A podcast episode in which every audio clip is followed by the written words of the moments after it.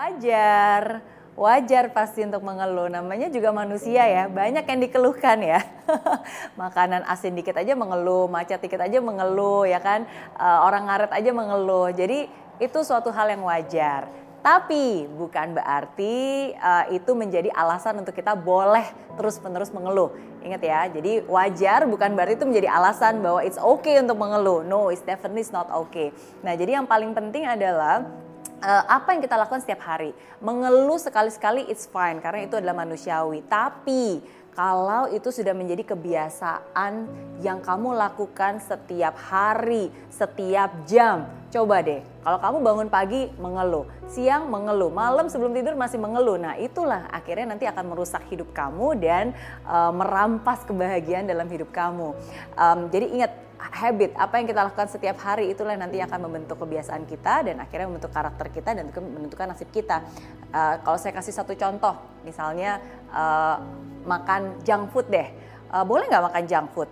ya boleh-boleh aja sih kalau misalnya sebulan sekali. Tapi kalau kamu makan junk food setiap hari, makan pagi, siang, malam semua junk food setiap hari selama sebulan, saya yakin pasti kamu bakal sakit-sakitan. Nah sama, mengeluh pun juga seperti itu. Jadi kadang-kadang boleh tapi kita harus sadar, oh lagi mengeluh nih, nggak boleh. Cepat-cepat dihilangkan, cepat-cepat ubah ya supaya ya kita bisa lebih positif lagi. Jadi harus sadar diri. Hmm.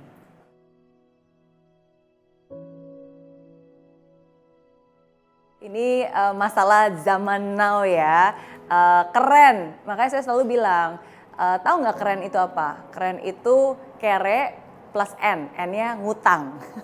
ya kan buat apa juga keren-keren hanya demi gengsi, tapi kalau sebenarnya ngutang sana sini, akhirnya malah yang rugi siapa? Yang rugi diri kita sendiri kan.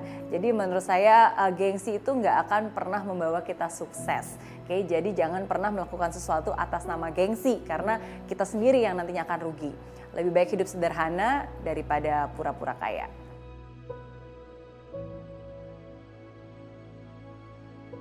Sebenarnya jawabannya udah di kata move on itu sendiri, yaitu move.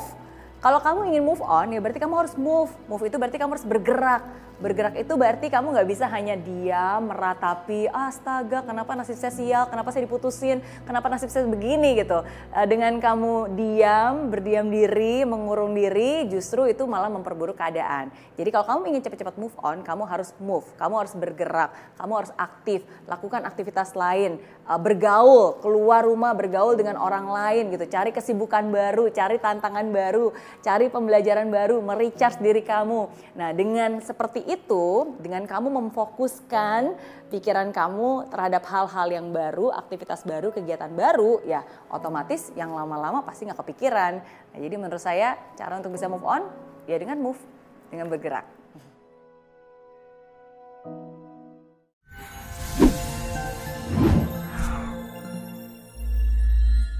Di aplikasi Mary Riana tersedia lengkap video-video YouTube terbaru saya, artikel yang up to date, post inspirasi, koleksi merchandise, workshop dan seminar yang bisa kamu dapatkan free dan download sekarang juga gratis.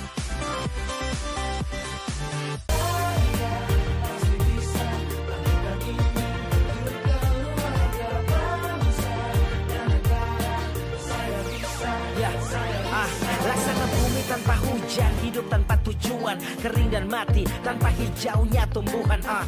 Demikian kalau mimpi tak kunjung terjadi